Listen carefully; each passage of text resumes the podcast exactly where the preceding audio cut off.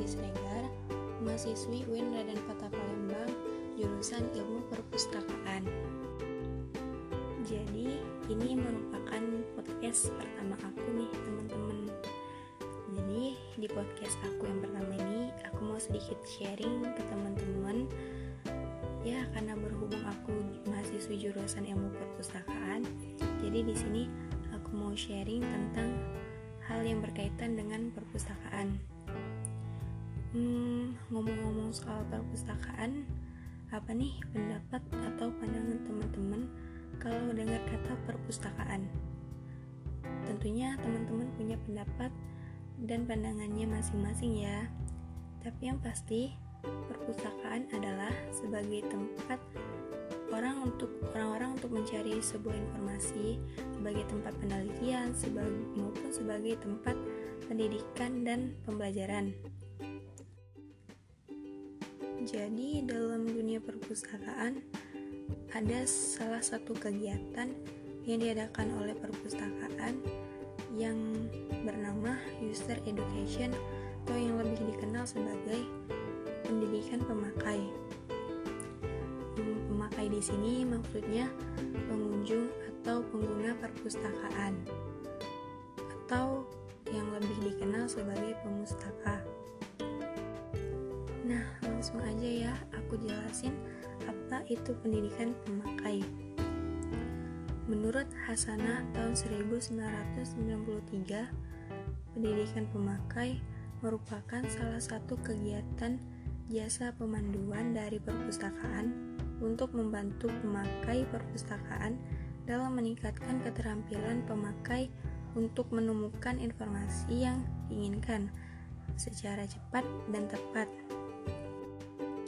Nah, melalui pendidikan pemakai yang diadakan oleh perpustakaan ini, pemustaka atau pengguna perpustakaan e, dapat menggunakan perpustakaan dengan baik. Dalam pendidikan pemakai ini dapat berupa orientasi perpustakaan. Teman-teman pernah dengar nggak orientasi perpustakaan? Atau mungkin ada beberapa dari teman-teman pernah ikut yang namanya orientasi perpustakaan. Nah, pendidikan pemakai ini sama seperti orientasi perpustakaan, yang mana pendidikan pemakai atau orientasi perpustakaan ini ialah sebagai pengenalan dari perpustakaan itu kepada pengguna atau pemustaka agar pemustaka dapat mengetahui apa saja nih koleksi yang dimiliki oleh perpustakaan tersebut atau apa saja fasilitas-fasilitas yang ada di perpustakaan tersebut. Juga dijelaskan bagaimana kita untuk meminjam dan mengembalikan buku, bagaimana juga mencari atau menggunakan sumber-sumber literatur dan masih banyak lagi yang dijelaskan dalam orientasi perpustakaan ini. Jadi intinya, pendidikan pemakai